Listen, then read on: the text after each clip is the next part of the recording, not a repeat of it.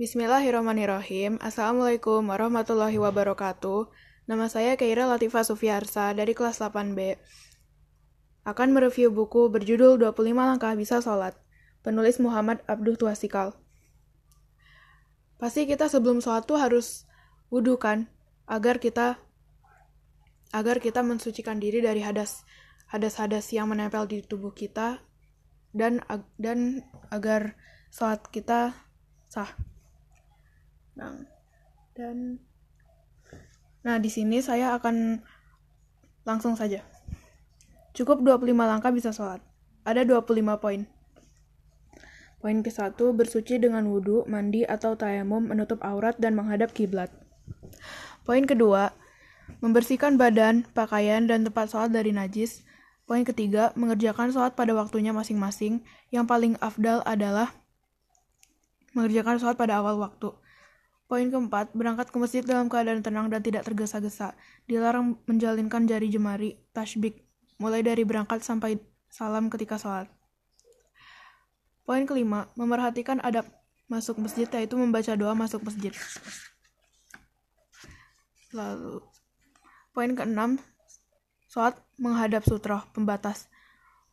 Poin ketujuh, meluruskan dan menutup celah saf, tidak membentuk saf yang terlalu rapat, terlalu renggang atau tidak atau tidak lurus.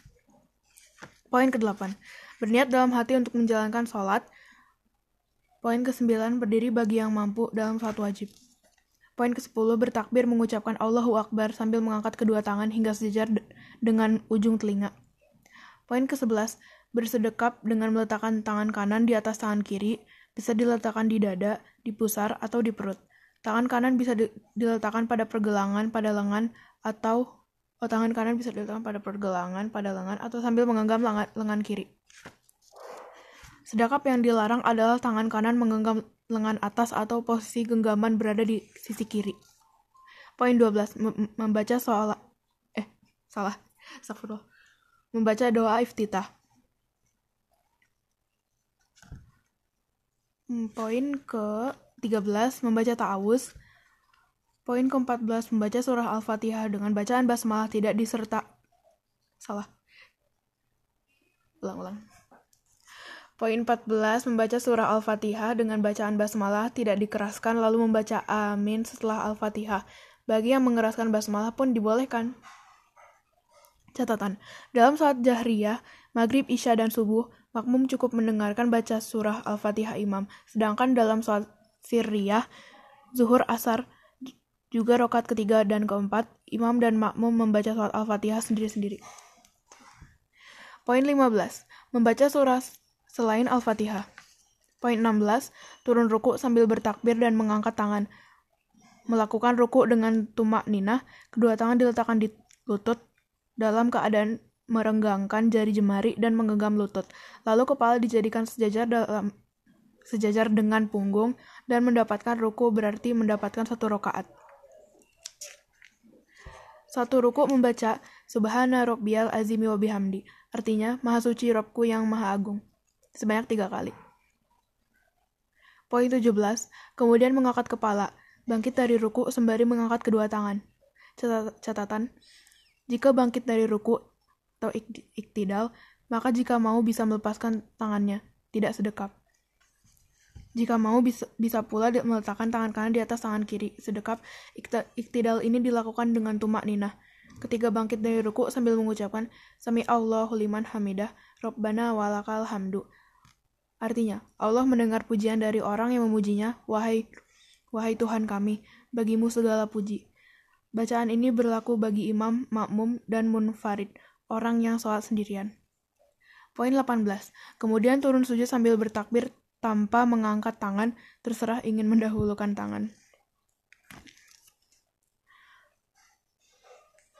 Cara sujud adalah dengan menempelkan tujuh anggota tubuh yaitu satu dahi termasuk juga hidung, dua dua tiga telapak telapak tangan dan telapak kanan dan kiri, empat lima lutut kanan dan kiri, dan enam sampai tujuh ujung kaki kanan dan kiri. Ketika sujud, lengan tangan direnggangkan, dibuka. Itu untuk yang ikhwan.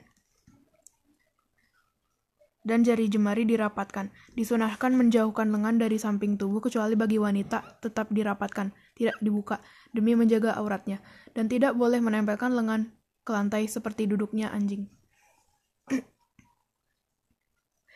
Sujud dilakukan dengan tumak ninah dan saat itu membaca Subhana rabbiyal a'la wa bihamdi.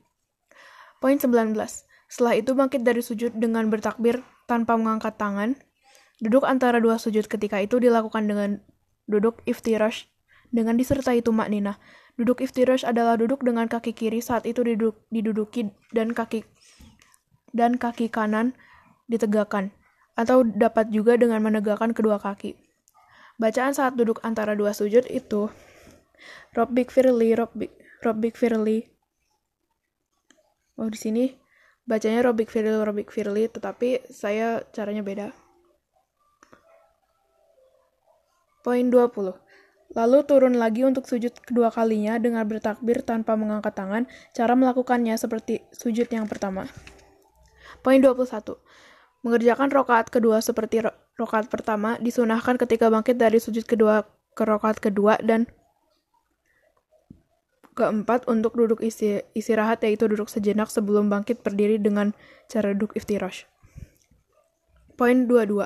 Melakukan tasyahud awal, cara duduknya adalah duduk iftirash, lalu tangan kiri diletakkan di lutut kiri, sedangkan tangan kanan diletakkan di lutut kanan. Lalu tangan kanan berisyarat, berisyarat dengan menggenggam jari kelingking jari manis, dan jari tengah. Digenggam lalu jari telunjuk memberi isyarat, sedangkan jari jempol berada di samping jari telunjuk. Atau bisa pula jari, ta jari tengah dan jari jempol membentuk lingkaran atau digenggam, sedangkan jari tengah memberi isyarat. Memulai isyarat dengan jari telunjuk bisa dari awal atau bisa dengan ucap ucapan ilallah kemudian isyarat tersebut diturunkan ketika akan salam. Bacaan yang dibaca ketika tasyahud awal, At-tahiyatul lillahi was salawatu wa tahiyya wa tahayyibat. Assalamu alayka ayyuhan nabiyyu wa rahmatul wa rahmatullahi wa barakatuh. Assalamu alayna wa ala ibadillahi salihin. Asyhadu alla ilaha illallah wa asyhadu anna muhammadar wa rasulullah. Dilanjutkan dengan membaca salawat yang paling ringkas adalah Allahumma sholli ala Muhammad. Poin 23, bangkit ke rokaat ketiga sambil bertumpu pada tangan. Bertakbir Allahu Akbar sambil mengangkat tangan, membaca surah Al-Fatihah dengan lirih pada rokaat ketiga dan keempat kalau sholatnya terdapat rokaat ketiga dan keempat, dan melakukan gerakan lainnya sama seperti sebelumnya. Poin 24, tasyahud akhir dengan cara duduk tawaruk adalah kaki kanan ditegakkan, kaki kiri dikeluarkan di bawah kaki kanan, dan oh, sudah. Duduk tawaruk ini dilakukan untuk sholat yang terdapat satu kali tasyahud, dua kali tasyahud, satu rokaat, dua rokaat atau lebih. Ringkasnya setiap duduk tasyahud akhir, duduknya adalah duduk tawaruk, bacaan ketika tasyahud akhir sama dengan tasyahud awal, lalu ditambah dengan sholat Ibrahimiyah, lalu berdoa ber berlindung dari empat hal. Setelah itu, bisa ditambah dengan doa lainnya yang diinginkan, asalkan dengan bahasa Arab. Lalu, poin ke-25 mengucapkan salam. Cara salam adalah dengan memalingkan wajah ke kanan sampai orang di belakang melihat pipi, begitu pula salam ke kiri. Sampai orang di belakang melihat pipi, salam yang diucapkan adalah Assalamualaikum warahmatullahi Assalamualaikum warahmatullahi Catatan, setelah salam tidak perlu mengusap wajah karena tidak ada dalil yang solih untuk hal ini. Nah, itulah poin-poin 25 yang 25 langkah bisa sholat. Sekarang saya akan menjelaskan tentang hmm, sebentar.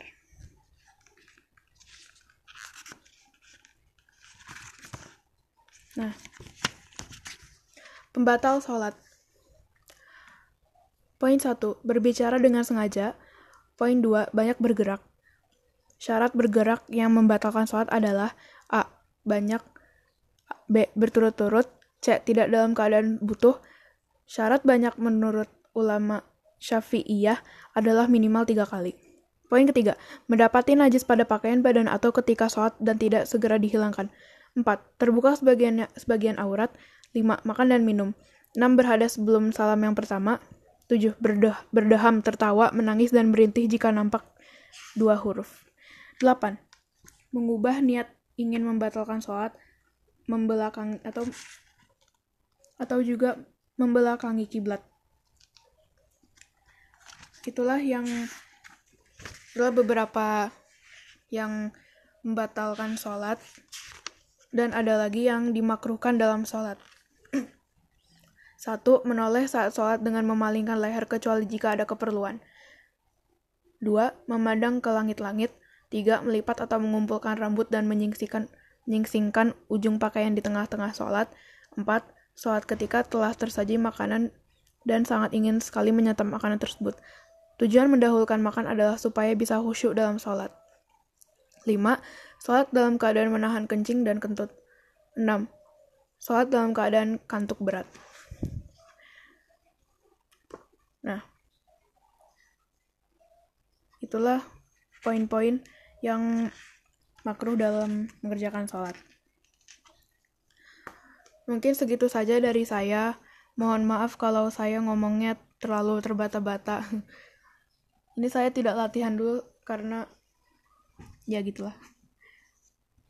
Ya segitu saja dari saya. Mohon maaf jika ada yang salah ada kekurangan kata atau kurang jelas suara saya. Terima kasih sudah mendengar uh, terima kasih oke terima kasih sudah mendengar dan perhatiannya. Wassalamualaikum warahmatullahi wabarakatuh